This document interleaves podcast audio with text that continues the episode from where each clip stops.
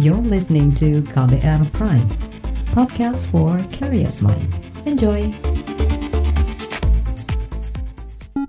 Saatnya Anda dengarkan Ruang Publik KBR yang dipersembahkan oleh Palang Merah Indonesia, didukung oleh USAID, WHO, dan IFRC. Selamat pagi saudara, kembali lagi Anda mendengarkan Ruang Publik KBR pagi hari ini bersama saya Rizal Wijaya. Dan Ruang Publik KBR pagi ini dipersembahkan oleh Parang Merah Indonesia, PMI, didukung oleh USAID, WHO, dan IFRC. Baik, pagi ini kita akan membahas mengenai perawatan keluarga solusi isolasi mandiri. Dan bisa Anda dengarkan hingga pukul 10 nanti. Baik, saudara, kasus positif COVID-19 di Indonesia masih terus meningkat hingga kini. Sejumlah rumah sakit rujukan telah melebihi batas kapasitas. Oleh karena itu, perawatan di rumah sakit hanya diutamakan bagi pasien positif COVID-19 yang memiliki penyakit bawaan. Sementara bagi masyarakat yang sakit namun tidak ada keluhan dapat melakukan isolasi mandiri dengan ber berada di rumah dan beristirahat selama 14 hari. Oleh karena itu, Palang Merah Indonesia gencar menyebarkan panduan perawatan keluarga atau PK kepada masyarakat untuk merawat dirinya atau anggota keluarga yang uh, sedang sakit dan berada di rumah. Apa itu panduan perawatan keluarga? Kemudian apa saja langkah-langkah untuk melakukan eh, PK ini? Kita akan perbincangkan lebih dalam soal ini di ruang publik KBR. Baik, dan pagi ini saya akan uh, perbincangkan lebih dalam soal ini tema kita pagi hari ini perawatan keluarga solusi isolasi mandiri bersama narasumber yang pertama yaitu Bapak Leo Patiasina, Kepala Subdivisi Pelayanan Sosial Divisi Kesehatan Markas Pusat PMI yang sudah terhubung melalui saluran telepon dan nanti juga akan uh, hadir pula melalui telepon juga yaitu Bapak Trevino Apakasi, dosen dari Divisi Kedokteran Keluarga, Divisi uh, Departemen Ilmu Kedokteran Komunikasi, uh, Kedokteran Komunitas maksudnya, uh, Fakultas Kedokteran Universitas Indonesia. Baik, saya akan yang pertama akan terhubung terlebih dahulu dengan Bapak Leo Patiasina ya. Selamat pagi Pak Leo. Selamat pagi Mas Rizal. Ya, Pak Leo. Sehat ya Pak Leo ya? Sehat. Alhamdulillah. Mas Rizal gimana nih? Selalu Alhamdulillah diberi kesehatan. Amin. Amin. Mungkin yang pertama Pak Leo mau memberikan semangat terlebih dahulu kepada pendengar kita yang tersebar di seluruh Indonesia pagi hari ini yang mungkin masih stay di rumah saja. Ya, ya mudah-mudahan kita semua terus uh, diberi kesehatan ya karena ini pertama kali uh, kita mengalami pandemi se, se hebat ini ya. Mudah-mudahan kita terus uh, dilindungi oleh Tuhan. Baik, amin. Dan uh, Pak Leo, ini kita kan ngomongin soal perawatan keluarga. Nah, ya. masyarakat ingin tahu lebih dalam nih mengenai perawatan keluarga ini. Program ya. perawatan keluarga ini dari PMI uh, kapan sih pertama dilakukan atau ada program ini, Pak? Iya, kalau perawatan keluarga ini kan salah satu pelayanan bisa dibilang tertua, Pak, di hmm. Palang Merah Indonesia nih. Oh, jadi bukan jadi, karena ada COVID-19, bukan, bukan jadi ya? Jadi ini emang memang pelayanan yang sudah ada di Palang Merah Indonesia kan biasanya kalau kita sebut PMI biasanya orang mikirnya donor darah gitu ya hmm. penanggulangan bencana tapi kita juga punya namanya perawatan uh, keluarga ini gitu. Baik. Nah, sebelum kita ke latar belakang adanya perawatan keluarga ini atau tujuannya juga, tapi mungkin ya. juga masyarakat perlu tahu nih ya, apa sih yang dimaksud dengan perawatan keluarga, terutama di masa pandemi COVID-19 ini, Pak? Iya, kalau seperti saya bilang, uh, perawatan keluarga itu kan layanan ya, Pak ya. Hmm. Jadi kalau di situasi COVID ini sesuai dengan arahan pemerintah bahwa ODP atau OTG itu kan dianjurkan untuk melakukan isolasi mandiri di rumah. Nah untuk itu perawatan keluarga pada masa COVID ini kita fokus di situ Pak, di hmm. isolasi mandiri di rumah. Jadi kami gencar melakukan sosialisasi kepada masyarakat tentang bagaimana melakukan isolasi mandiri yang di rumah dengan baik dan benar. Baik. Nah, ini tujuannya yang utama dan kemudian latar belakangnya adanya uh, layanan perawatan keluarga ini dari PMI awalnya seperti apa sih Pak? Uh, secara umumnya ya. Ya. Ya kalau secara umum fokus perawatan keluarga ini sebenarnya perawatan di rumah ya. Jadi kita lakukan perawatan itu di rumah. Misalnya pasca seseorang dirawat di rumah sakit, uh, bila dia masih perlu untuk melakukan perawatan di rumah, maka itu merupakan salah satu target dari perawatan keluarga. Atau bila orang sakit, tapi tidak ingin dirawat di rumah atau bisa dirawat di rumah, itu juga salah satu target uh, perawatan keluarga, Pak. Jadi ini uh, mengisi lah. Jadi ada misalnya kita dalam penanggulangan bencana, ada perawatan-perawatan yang diberikan perawatan medis kepada korban bencana. Nah setelah perawatan medis itu juga bisa dilakukan perawatan keluarga di rumah. Baik, jadi kelanjutan dari perawatan medis di rumah sakit barangkali seperti itu ya? Salah satunya itu atau orang yang sakit tapi tidak mau dirawat di rumah sakit atau bisa dirawat di rumah. Nah itu juga salah satu target perawatan keluarga PMI. Oke. Apakah ada klasifikasinya misalnya sakit yang seperti apa yang perlu dirawat di rumah atau harus dilarikan ke rumah sakit dan bagaimana seandainya memang rumah sakit uh, sudah penuh nih ya kalau uh, seperti sekarang ini nih masa pandemi? Iya kalau kalau secara umumnya orang yang bisa dirawat di rumah itu kan yang tidak perlu uh, perawatan intens di rumah sakit ya. Jadi kalau di perawatan keluarga secara umum itu orang-orang dengan penyakit khusus pak. Hmm. Jadi misalnya penyakit jantung penyakit stroke, hipertensi, bahkan uh, disabilitas juga gitu ya. Orang-orang dengan difabel yang baru utamanya itu kan keluarganya biasanya masih kagok ya untuk memberikan pertolongan. Betul. Nah itu bisa juga perawatan keluarga memberikan uh, perawatan di situ untuk uh, penyandang difabel. Nah kalau untuk di masa COVID ini seperti tadi saya katakan sesuai arahan pemerintah, ODP dan OTG itu menjadi sasaran layanan kita. Jadi masyarakat yang ODP dan OTG itu kan dihimbau untuk melakukan isolasi mandiri di rumah. Oke, ODP orang dalam pengawasan orang dan dalam peng, OTG ya, orang tanpa gejala, Pak. Orang tanpa gejala yang menjadi karier ya. gitu ya. Iya, betul. Baik. Nah, untuk itu PMI membuat sebuah video sebenarnya video tentang bagaimana melakukan isolasi mandiri di rumah dengan baik dan benar. Jadi itu sedang gencar kita sosialisasikan kepada masyarakat saat ini. Baiklah. Dan uh, ini yang yang yang perlu dirawat atau yang menjalani layanan uh, perawatan keluarga di rumah ini apakah hanya yang sakit saja apa berlaku juga kepada yang sehat yang tidak mempunyai latar belakang penyakit gitu?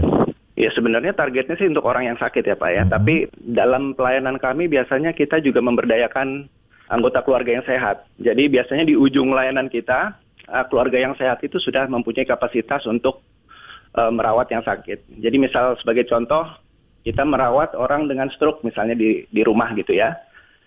Uh, dalam penanganannya tentu relawan kita juga akan mengajak anggota keluarga yang sehat. Jadi misalnya orang itu uh, perlu dipindahkan dari tempat tidur ke tempat duduk Nah, di situ kita juga melibatkan anggota keluarga yang lain. Sehingga ketika layanan kita selesai diharapkan anggota keluarga sudah mempunyai kapasitas untuk membantu keluarga yang sakit. Jadi kalau biasa kita dengar pemberdayaan masyarakat, di perawatan keluarga itu lebih pemberdayaan keluarga begitulah Pak Rizal. Oke, baik. Dan uh, tadi disebutkan uh, minimal yang sehat ini, yang merawat ini juga harus mengerti dong harus tahu langkah-langkah apa saja nih yang harus dilakukan. Utamanya di COVID ini ya, di situasi COVID. Betul, karena sangat berisiko sekali ya. Dan ini seperti apa? Apakah ada dasar-dasar atau panduan dari uh, melakukan perawatan keluarga ini? Iya, kalau panduan sebenarnya kalau kita merujuk ke pemerintah, Kemenkes itu punya protokol kesehatan, Pak, okay. tentang isolasi uh, mandiri. Juga WHO mengeluarkan panduan. Begitu juga PMI. Jadi kedua protokol itu merupakan rujukan kita sebenarnya dan kita juga membuat uh, panduan bagaimana cara melakukan isolasi mandiri di rumah. Jadi pada saat isolasi mandiri memang target kita bukan hanya orang yang melakukan isolasi mandiri, tetapi juga keluarga yang merawat begitu Pak. Nah untuk keluarga yang merawat tentu uh, panduannya sebenarnya Berbeda. sama seperti yang sudah sering kita dengar ya penggunaan APD begitu Pak ya. Oke. Okay. Jadi ini harus harus sebenarnya harus dijelaskan kedua-duanya nih dari yang melakukan isolasi mandiri juga orang yang menolong begitu. Kalau dari prinsip-prinsip melakukan isolasi mandiri bagi yang uh, sakit, ini kan di suasana COVID ini harus idealnya ya harus berada di kamar yang tersendiri, kamar dan kamar mandi tersendiri. Jadi kalau prinsip isolasi itu kan sebenarnya terpisah gitu. Jadi kalau terpisah itu bukan hanya orangnya, tapi segala sesuatunya. Juga yang dia pakai, yang dia gunakan, termasuk alat makan. Itu juga harus harus terpisah dari keluarga yang sehat. begitu Pak. Baik, kalau hal yang paling sederhana misalnya, uh, tidak semua rumah memiliki dua kamar mandi misalnya, atau uh, ya. satu dapur dalam satu rumah. Ini seperti apa dengan kondisi ya. yang seperti ini, Pak? Memang ini banyak ditanyakan juga ke hotline kita, jadi kita kan gencar bilang kamar sendiri gitu ya, hmm. sedangkan hmm. masyarakat bahkan ada yang satu ruangan tinggal uh, empat orang di dalamnya begitu ya Pak. Ya. Seperti misalnya rumah petak gitu kan? Iya betul. Ya prinsip dasarnya adalah prinsip uh, mencegah penularan seperti yang sudah disosialisasikan oleh pemerintah Pak. Jadi tetap social distancing, menggunakan masker dan mencuci tangan sebelum dan sesudah uh, berkegiatan. Nah misalnya di satu rumah hanya mempunyai kamar mandi satu, setelah yang sakit ini menggunakan kamar mandi tersebut, itu bisa diberikan disinfektan. Jadi misalnya di toilet itu bisa setelah menggunakan langsung disemprot disinfektan begitu Pak. Untuk lantai bisa langsung disiram dengan air sabun saja. Begitu. Jadi uh, prinsip-prinsip uh, pencegahan itu tetap harus harus dijalankan. Nah kalau kamarnya yang satu ruangan ini misalnya hanya ada satu ruangan diisi empat orang begitu ya, itu tetap dilaksanakan prinsip-prinsip pencegahan. Dan bila memungkinkan misalnya satu ruangan eh, enam kali enam isinya tiga orang satu orang ODP misalnya gitu ya. Hmm. nah ini bisa dikasih pembatas. Kalau di rumah kan itu kan peralatannya nggak terlalu apa lengkap ya. Jadi Betul. kita bisa gunakan misalnya kain-kain yang ada gitu pak. Untuk membatasi antara orang yang sakit dan orang yang sehat begitu itu yang bisa maksimum kita lakukan. Selain tentu eh, cara-cara pencegahan kita lakukan terus penggunaan masker, mencuci tangan dan social distancing. Oke. Okay. Nah, social distancing kalau penggunaan masker semua orang bisa melakukan. Social ya. distancing yeah. di dalam rumah dengan ukuran rumah yang RSSSSS sekian gitu ya. Ini yeah. gimana yang harus apa yang harus dilakukan nih oleh ya. terutama yeah. uh, bagi yang sakit Iya, maka kalau yang RSS kecil sekali gitu ya, mm-hmm. itu memang uh, suatu suatu kendala tentunya bagi kita semua. Tapi uh, bagaimanapun juga penularan itu kan prinsipnya dari droplet ya pak ya, jadi cipratan. Oke. Okay. Jadi uh, bagi yang sakit sudah mutlak harus menggunakan masker gitu, masker dan dan usahakan untuk membersihkan ruangan tersebut paling enggak satu kali sehari atau bagusnya sih dua kali sehari ya. Sehingga kalau ada cipratan-cipratan di lantai itu bisa di uh, bisa bersih gitu. Bisa dipel lap-lap di me meja dilap gagang pintu dan sebagainya. Tentu tentu ini bakal uh, apa ya namanya ya semua orang mempunyai permasalahan sendiri-sendiri. Misal seperti rumah lah kemudian ada balita di rumahnya juga. Ini seperti Betul. apa sih uh, yang harus dilakukan kepada anak-anak kita ketika salah satu anggota keluarga kita ODP atau uh, tanpa gejala gitu. Iya, jadi yang harus dilakukan justru si ODP-nya ini yang harus menyadari Pak. Hmm, jadi okay. misalnya satu rumah ini ada ibu bapak kakak adik ya. Kemudian bapaknya ODP karena dia sering ke kantor gini kayak Mas Rizal nih ya. Okay. nah terus dibatasin kok. iya iya iya. Nah, si bapak ini yang harus uh, menyadari dan melakukan isolasi mandiri di rumah gitu. Jadi kalau seandainya satu rumah masih ada satu kamar uh, apa namanya yang kosong yang bisa digunakan di kamar lain gitu anak-anaknya, itu bapaknya menempati satu kamar itu aja begitu. Dan peralatan makan juga tersendiri. Kemudian uh, rajin ya tentu membersihkan kamarnya dan usahakan kamar itu ventilasinya bagus, Pak. Jadi udara bertukar, matahari masuk Uh, kemudian bersihkan kamar ya rutin, ganti spray, hmm. terpisah peralatan makan dan juga uh, pakaian yang digunakan begitu. Jadi jangan disimpan bersamaan dengan pakaian dan peralatan makan yang lain. Baik. Nah, ini perlu nggak sih misalnya kayak uh, yang yang yang mengawasi atau yang merawat ini ada perlu mem membuat catatan terkait uh, progres dari yang dirawat? Pas atau pasiennya? Oh, oh enggak sih kalau kalau misalnya ODP itu kalau bagi penolong yang harus dilakukan tentu mengukur temperatur setiap hari ya dan uh, apa namanya untuk melihat pernapasannya. Kalau bila gejalanya semakin memburuk, memang disarankan sih menghubungi fasilitas kesehatan langsung, Mas Rizal. Jadi jangan di tetap di rumah. Baiklah.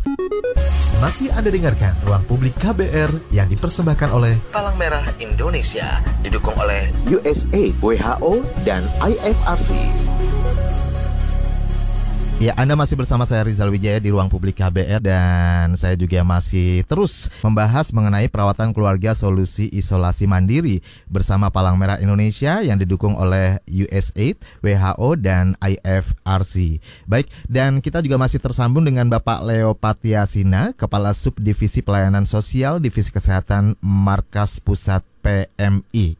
Dan nanti juga saya akan undang satu narasumber lagi yaitu Bapak Trevino Apakasi, dosen eh, dari Divisi Kedokteran Keluarga, Departemen uh, Divisi Kedokteran Komunitas, Fakultas Kedokteran Universitas Indonesia. Baik, dan uh, saya akan kembali bersama Bapak Leo Patiasina dan untuk yang ingin tanya-tanya langsung ke narasumber boleh ya di 0800 140 3131. Pak Leo. Ya. Ya. Pak Reza. Pak Leo, eh tadi sudah dijelaskan mengenai perawatan keluarga, salah satu layanan yang diberikan oleh PMI yang ternyata sudah lama banget ya, sudah uh, ada, bukan hanya pada masa pandemi ini saja. Dan ya. uh, ini masih terus disosialisasikan salah satunya melalui program uh, eh, KBR pagi ini. Ya, dan kali ini saya akan uh, ini juga Pak tanya soal ini peralatan apa saja sih yang mesti disiapkan ketika kita melakukan perawatan keluarga di rumah? Oh ini dalam situasi COVID atau? Ya, terutama dalam situasi COVID. Ya. Dan secara umum COVID, seperti ya. apa? Ya, kalau dalam situasi COVID, uh, tentu karena perawatan keluarga PM ini kan fokus di isolasi mandiri ya, uh, Pak, seperti yang saya tadi jelaskan. Pada isolasi mandiri tentu kita bagi dua nih. Jadi ada orang yang melakukan isolasi mandiri, ada yang penolong gitu ya, keluarga yang sehat yang menolong orang yang sedang melakukan isolasi mandiri. Nah kalau peralatan bagi yang melakukan isolasi mandiri tentu selain kamar dan kamar mandi terpisah, itu juga selalu menggunakan masker. Jadi walaupun dia di dalam kamar, tetap menggunakan uh, masker gitu. Kemudian seperti tadi saya bilang, pantau suhu tubuhnya, uh, nafasnya, dan bila ada hari makin hari ini ada peningkatan atau semakin buruk, itu langsung ke fasilitas kesehatan. Kemudian uh, fasilitas utamanya sih itu ya. Kalau untuk yang uh, isolasi mandiri se selain tentu peralatan makan tersendiri, uh, pakaian tersendiri, uh, membersihkan kamar itu minimal satu kali sehari gitu ya. Kemudian kalau untuk prinsip penolong uh, peralatannya itu misalnya uh, yang isolasi ini misalnya bapaknya gitu ya. Jadi penolong itu harus ditunjuk satu orang nih Mas Rizal. Okay. Jangan satu keluarga ini mau menolong. Jadi nanti kemungkinan terpaparnya makin besar. Jadi misalnya bapaknya sedang isolasi, ibunya saja yang menjadi penolong. Anak-anak ini nggak usah ikut-ikutan gitu istilahnya ya. Hmm, tapi tetap Jadi pakai masker ya anak-anak ya. Oh tetap tetap kalau okay. kalau di rumah tentu ini kan social distancing. Bapaknya hmm. kan terus di dalam kamar nih pak. Baik. Kalau isolasi di rumah tuh tentu dia di dalam kamar terus tidak keluar keluar bapaknya gitu. Jadi anaknya kalau jauh tidak pakai masker ya tidak tidak apa-apa. Nah, yang perlu pakai masker nih ibunya yang masuk. Baik. Ketika misalnya mengantarkan makanan, uh, mengepel lantai, misalnya gitu ya, membersihkan kamar, itu wajib memakai masker, sarung tangan, dan ada namanya apron. Apron tuh jadi kayak pelindung badan gitu ya. Yang untuk masak ya? Ya, ya bisa bisa untuk masak juga bisa Dan sekaligus dipakai, melindungi gitu. kan? melindungi. Betul. Tapi kalau nggak ada tentu bisa pakai pakaian dengan jubah panjang yang dari kain juga nggak apa-apa gitu. Kalau di rumah kan peralatan kita terbatas.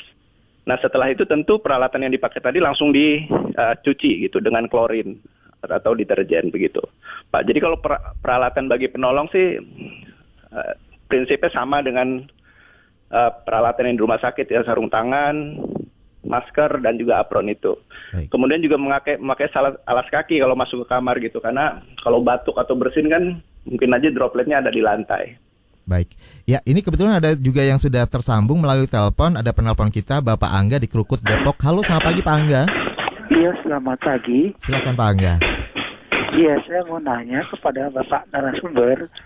Uh, itu kalau misalkan uh, tadi ya, untuk penyandang disabilitas, uh, Kak, yang saya tanyakan, kalau penyandang disabilitas yang tidak bisa melihat, itu bagaimana uh, cara untuk uh, men, apa uh, jarak physical distancing itu kan mereka kan uh, tidak bisa melihat mereka itu kan biasanya kalau dirawat itu kan biasanya disentuh ya nah itu bagaimana untuk menjaga jarak physical distancing itu baik itu saja itu ya, Pak Angga. Para narasumber terima kasih. Iya. Selamat pagi. Selamat pagi, terima kasih Pak Angga. Selalu sehat ya Pak Angga ya. Silakan Pak Leo boleh dijawab. Ini ya. untuk perlakuan kepada saudara-saudara kita penyandang disabilitas.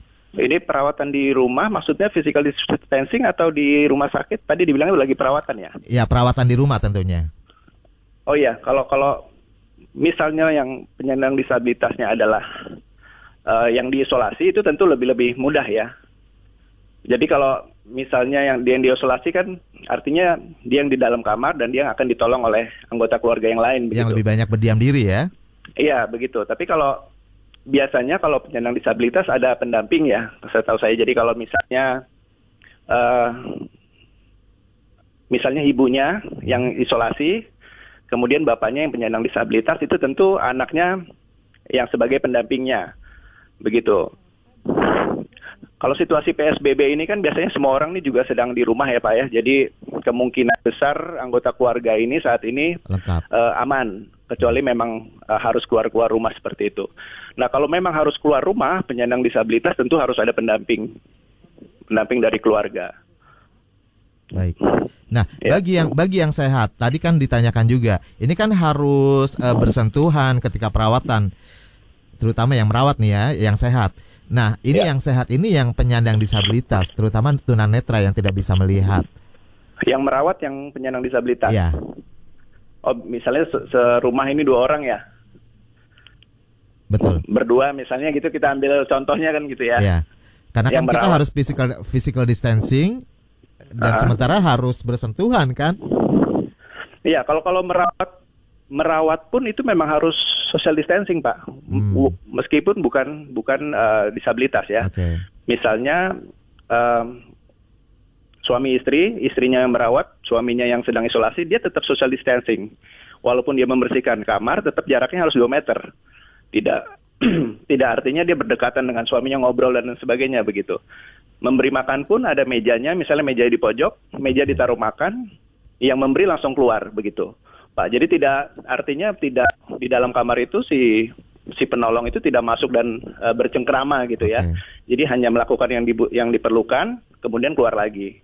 Okay. Begitu. Jadi memang social distancing tetap dilakukan walaupun itu isolasi mandiri di rumah. Baik. Dan sekarang ada penelpon lagi, ada Bapak Bayu di Jakarta Selatan. Selamat pagi. Pagi, Mas. Iya, silakan Pak Bayu. Iya, saya uh, pertama saya ingin menceritakan dulu kondisi saya. Saya itu tinggal di rumah dengan tiga keluarga, yang di mana satu rumah itu keluarga besar semua dan kita bertujuh dari satu rumah itu. Nah, terus ya. kita semua itu pekerja semua, tetapi orang tua kami itu orang tua uh, sudah masuk kategori lansia ya. Ini dan pekerja yang satu, pekerja maksudnya masih bekerja di luar sampai sekarang atau work from work, work from home? Uh, WFO kebetulan, work from office. Okay.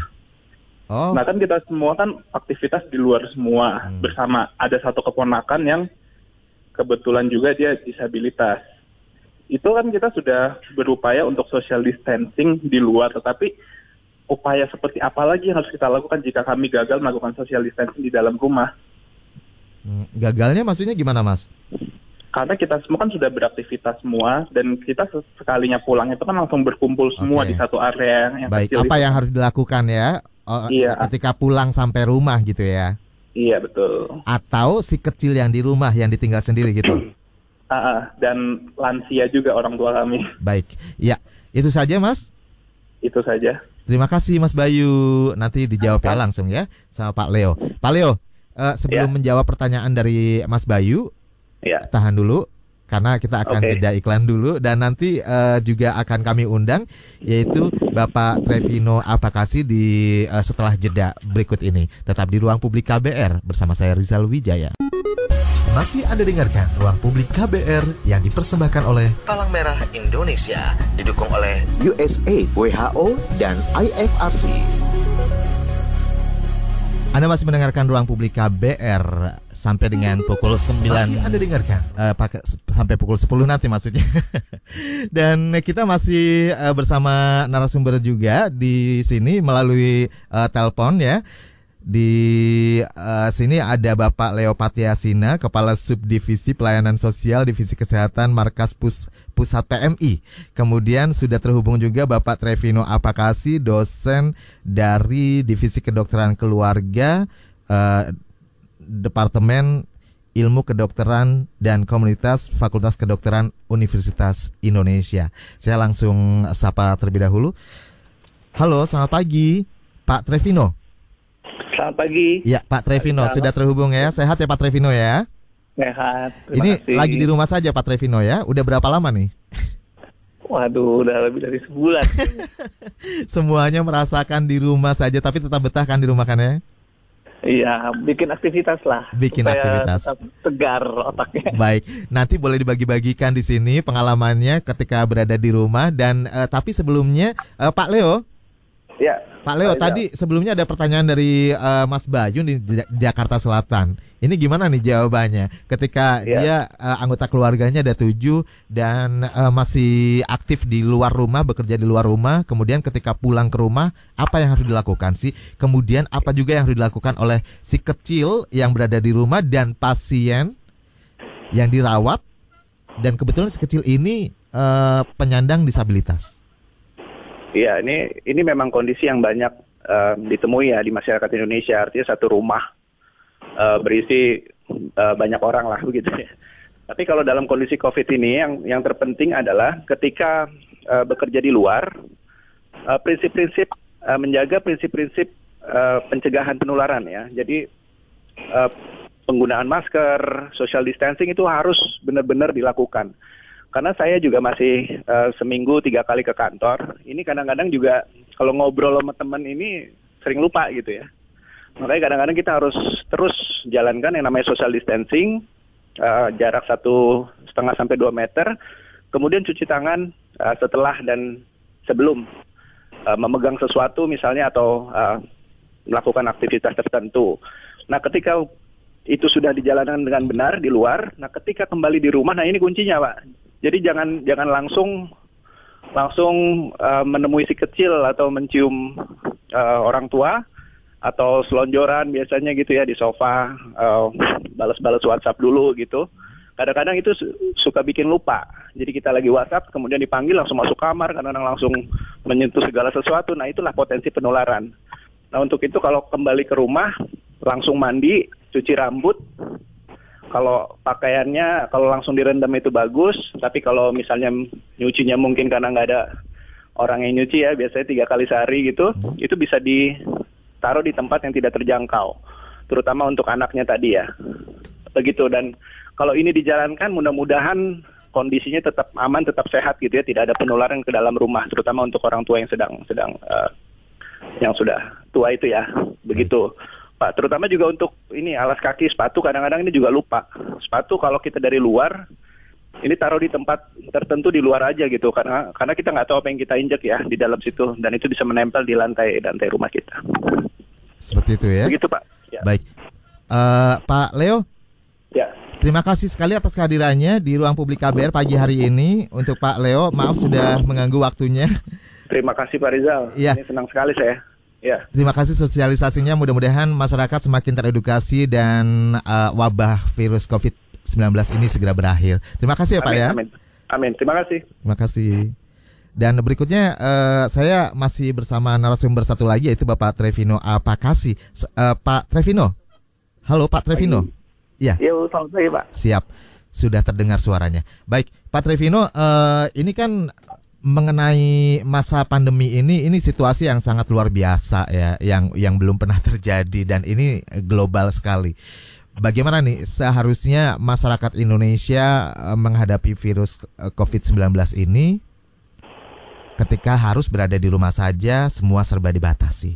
Oke, pertama mungkin saya luruskan dulu pandemi ini bukan yang pertama, udah banyak Baik. terjadi dan juga termasuk HIV masih berlangsung, ada SARS, ada MERS-CoV itu juga masih berlangsung. Oke. Okay. Cuma ini mungkin pemberitaannya yang membuat kita rasanya lebih, waduh, kayak heboh sekali ya. Oke. Okay. Atau mungkin karena ada beberapa orang yang memang baru mengalami ya Pak ya? Hmm, iya dan banyak hoaxnya juga. Oke. Okay. Sebelumnya nggak ada apa namanya nggak ada medsos ya yang terlalu banyak ya. Waktu SARS atau avian influenza medsosnya mungkin kurang bermain banyak. Kalau sini banyak berita jadi orang juga lebih simpang siur. Simpang siur dan ketakutan ya. Baik. Jadi kalau uh, tadi pertanyaannya mengenai masyarakat Indonesia, tentu kita ikuti ya apa yang dilakukan pemerintah. Seberapapun kita nggak setuju dan nggak senangnya, dapat mungkin harus ikut. Kenapa? Karena ya itu uh, yang harus artinya mereka sudah melakukan kajian ya. Kenapa langkah-langkah itu diambil? Jadi meskipun itu ada yang nggak pasti ada yang nggak enak, ada yang mungkin harus kehilangan penghasilan dan sebagainya, tapi harus diikutin karena memang itu langkah-langkah yang sudah diambil berdasarkan kajian juga pengalaman-pengalaman dari negara lain harus setia apa harus stay at home ya Baik. di rumah. Nah, memang rata-rata jadi stres nih. Jadi emang harus cari pengalih perhatian ya supaya nggak terlalu stres di rumah. Lama-lama bisa timbul macam-macam sebagainya ya.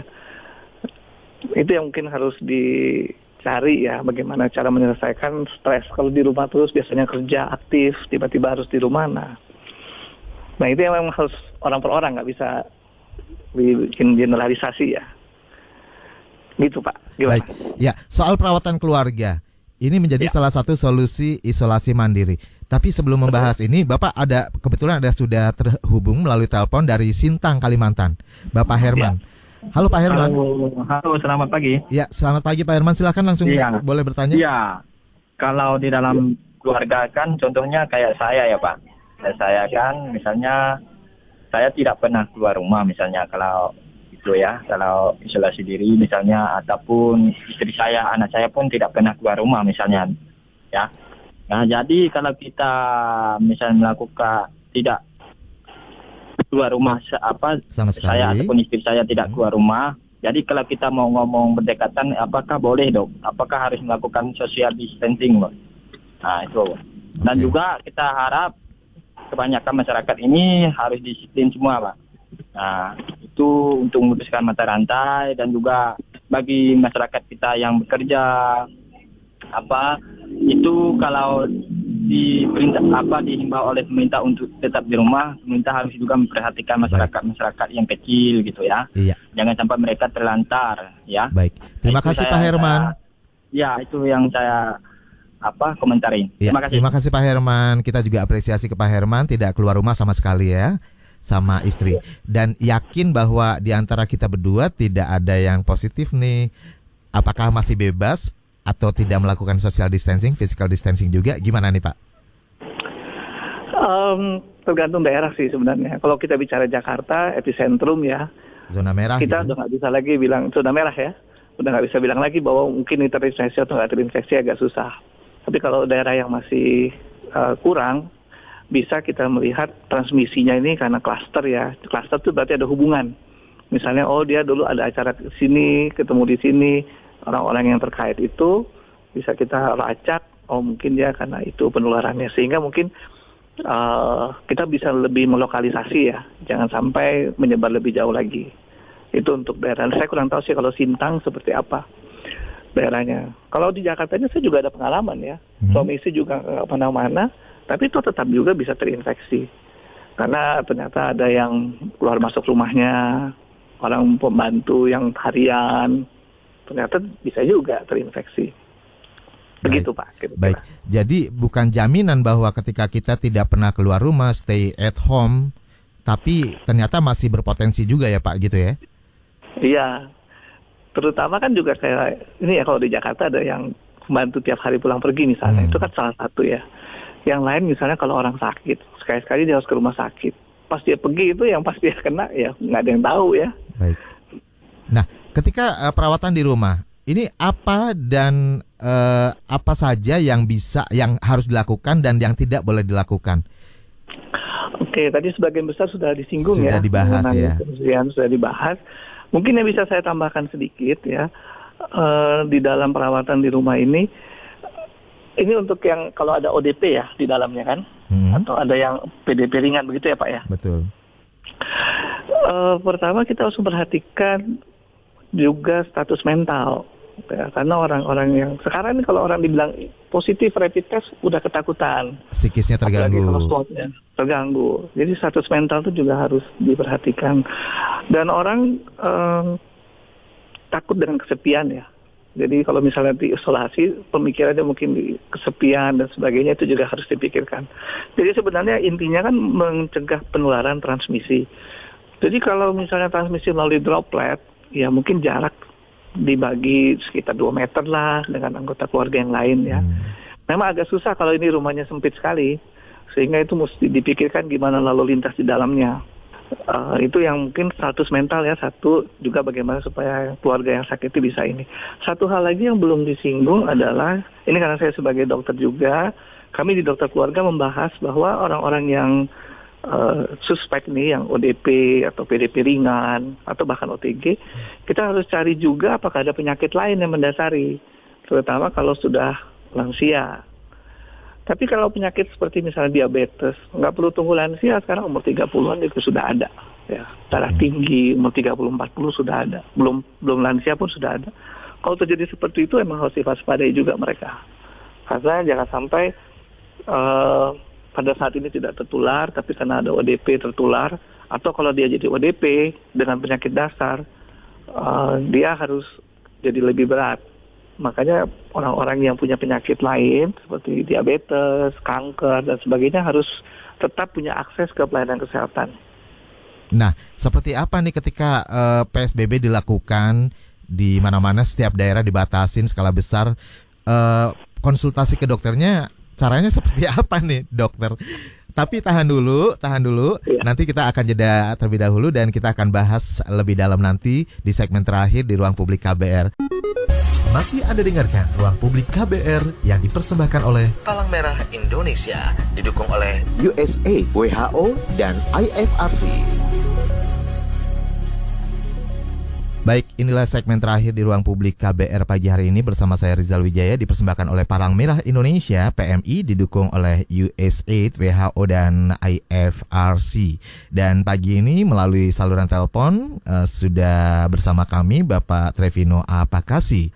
Uh, sebelum menjawab pertanyaan saya sebel, uh, tadi sebelum jeda, ini sudah terhubung nih dengan salah satu penelpon Pak Trevino. Iya. Halo, selamat pagi pagi. Halo. Iya, dengan siapa di mana Ibu? Dengan Lili. Ibu Lili di? Cibitung. Ibu Lili di Cibitung, silakan Ibu Lili. Apa yang mau ditanyakan? Uh, ya, saya mau nanya. Jadi kan uh, sekarang nih di tengah COVID ini kan banyak mitos-mitos yang beredar ya, seperti misalnya uh, buat yang di rumah aja dengan berjemur di bawah matahari itu benar atau tidak? Terus sama uh, sekarang kan banyak beredar juga mitos selain itu ada yang jenazah COVID tuh tidak diterima. Nah, itu mitosnya benar atau tidak? Mohon penjelasannya. Makasih. Baik, terima kasih Mbak Lili yang ada di Cibitung, Bekasi ya. Baik, silakan, Dokter. Baik, ya terima kasih. Mengenai mitos-mitos, mungkin bisa lihat juga di uh, pemerintah website pemerintah ada Hoaxbuster atau di WHO itu juga bisa dilihat mana yang mitos, mana yang bukan. Hoaxbuster ya? Oh ya, di website yang WHO. Baik. Nah, uh, kalau mengenai vitamin D, ini sekilas saja ya, vitamin D memang kita butuhkan dan pembentukannya salah satunya di, oleh, uh, oleh sinar matahari ultraviolet B. Dan itu memang betul bahwa vitamin B, eh, D ini akan meningkatkan imunitas tubuh kita. Nanti mungkin bisa detail lagi lebih dalam, bisa melihat mungkin di website atau di mana tentang vitamin D, bagaimana dia membentuk uh, daya tahan tubuh kita. Lalu yang satu lagi mengenai jenazah ya. Hmm. Uh, ya memang ini ada yang melaporkan seperti itu dari laporan-laporan ilmiah. Mungkin bukan dari jenazahnya langsung, artinya kan kita tahunya menular oleh droplet ya, dan droplet itu kan ada di dalam paru-paru. Kalau jenazah kan sudah nggak akan batuk lagi. Tetapi mungkin ketika menangani jenazah, lalu ada cairan jenazah barangkali yang terciprat, kena di tangan, kena di um, mata, ya bagaimana mungkin seperti apa prosesnya ketika menangani jenazah itu mungkin yang bisa menular ketika ada di ya ketika tapi khususnya orang yang menangani jenazah jadi bukan Kalau pengunjung rasanya sih nggak mungkin ya karena kan hmm. jenazahnya udah nggak batuk ya. Itu pikiran saya sih. Tapi itu baru ya ide ya. Maksudnya belum tahu persis penelitiannya seperti apa. Baik, artinya uh, tidak perlulah kita sampai menolak-nolak pemakaman jenazah COVID gitu ya? Kalau menurut saya enggak Enggak, karena kita belum ada penapasan ya. Betul. Karena masih uh, banyak juga di masyarakat kita yang um, mengaitkan dengan stigma yang lumayan negatif nih terhadap uh, penyandang atau yang menderita COVID-19. Baik, dokter, ini tadi sebelum jeda saya tanya nih, konsultasi harus konsultasi ke dokter sementara masih PSBB. Nah, seperti apa nih prosesnya yang harus dilakukan? Oke, ini saya cerita pengalaman aja Pak ya. Baik. Jadi kami di UI juga ada klinik layanan primer. Hmm. Jadi sejak mulai diumumkannya ini wabah, uh, kebetulan direktur sudah membatasi uh, jam kerja. Jadi awalnya kami bikin jam kerja di perpendek sehingga caranya gimana supaya orang mau konsultasi online dulu nih. Kan dokter pasti nanya-nanya dulu dong keluhannya apa dan sebagainya. Ya kan? Nah, ditanya-tanya itu semua dengan online. Hmm. Ketika kemudian uh, perlu obat dan sebagainya, kami buka jam untuk pengambilan obat. Jadi artinya memperpendek waktu temu, waktu kontak ya. Kemudian jam buka untuk ambil obat atau untuk periksa laboratorium itu juga dibatasi satu jam hanya sekian orang, sekian orang. Jadi nggak apa nggak nggak penuh okay. untuk menjaga kontak. Ada juga rumah sakit yang bikin seperti itu. Jadi rumah sakitnya memberi ini yang di dekat domisili tempat tinggal saya memberikan online service dulu setelah itu oh Pak Bu silakan datang jam sekian datanglah situ untuk mencegah kontak itu sih salah satu yang bisa dilakukan baiklah jadi tapi sebagian besar penyakit sih sebenarnya secara online bisa dibahas ya dan banyak juga fasilitas-fasilitas yang memberikan jasa konsultasi secara online dan obat-obatnya bisa didapat Baik. Uh, lewat apa ya lewat fasilitas online juga ya. Iya, rajin-rajin cari informasi saja ya. Betul. Baik. Ini ada Aldi di Majalengka, Pak. Halo. Aldi. Halo. Iya, silakan. Langsung aja cepat. Ya, begini, saya juga ingin uh, sedikit menyambung dari penelpon yang tadi. Ya, di sini uh, banyak orang yang menganggap itu jadi kalau kita apa berjemur atau hmm. beraktivitas di bawah matahari itu katanya bisa uh, mengurangi risiko untuk untuk kena corona. Oke. Okay. Nah, lalu kan begini di sini uh, memang hanya tetangga daerah gitu, tetangga daerah ada yang uh, dikabarkan udah ada yang kena uh, COVID-19, tapi untuk wilayah saya sendiri ini di sini di daerah belum hanya ada. ya belum ada tes sama sekali dan tidak ada uh, pembagian masker pun okay. di sini pembagian masker saja. Poin yang mau ditanyakan apa Pak? Mas, Mas begini, begini, begini dok yang ditanyakan benar nggak kalau misalkan uh, kita pakai masker yang di rumah aja gitu kan mm-hmm. sudah ada tulisannya itu itu bisa dibawa aktivitas di luar rumah dan satu yang tadi ingin men, uh, ingin menjelaskan yang tentang mitos atau enggak yang okay. jemur di matahari itu. Ya, terima, terima kasih. kasih. Mas Aldi Majalengka. Silakan boleh dijawab, dokter. Oke, terima kasih. Jadi penggunaan masker memang sudah diatur di oleh pemerintah. Kita pakai masker kain yang orang-orang sehat selebihnya boleh dan itu tidak masalah. Kenapa berpikir seperti itu? Karena sebenarnya penularan itu kan masih ada kontroversi ya, apakah itu droplet atau aerosol. Droplet itu jadi bentuknya lebih berat, jarak 1-2 meter, hmm. dia akan langsung mengendap ke bawah. Okay. Kalau aerosol itu bentuknya lebih kecil bisa terbang-terbang, katanya Baik. seperti itu. Iya. Tapi mungkin nggak sampai antar wilayah, antar kabupaten ya. Oke. Okay. Aerosol itu ya. Terlalu Jadi jauh ya. Digunakan. Terlalu jauh. Baik. Jadi sambil berjemur pakai masker kain boleh. Iya. Terima kasih Dokter Trevino Apa kasih maaf sekali waktunya uh, terbatas sekali. Sebenarnya senang sekali nih bisa berbagi banyak sekali informasi ya di ruang publik KBR pagi hari ini. Sayang waktunya terbatas. Maaf sudah mengganggu ya. waktunya, dokter. Terima kasih. terima kasih bisa berbagi. Baik, terima kasih. Dan saya Rizal Wijaya harus segera pamit dari ruang publik KBR pagi hari ini. Terima kasih dan salam. Baru saja Anda dengarkan Ruang Publik KBR yang dipersembahkan oleh Palang Merah Indonesia, didukung oleh USA, WHO, dan IFRC. KBR Prime, cara asik mendengar berita. KBR Prime podcast for curious mind.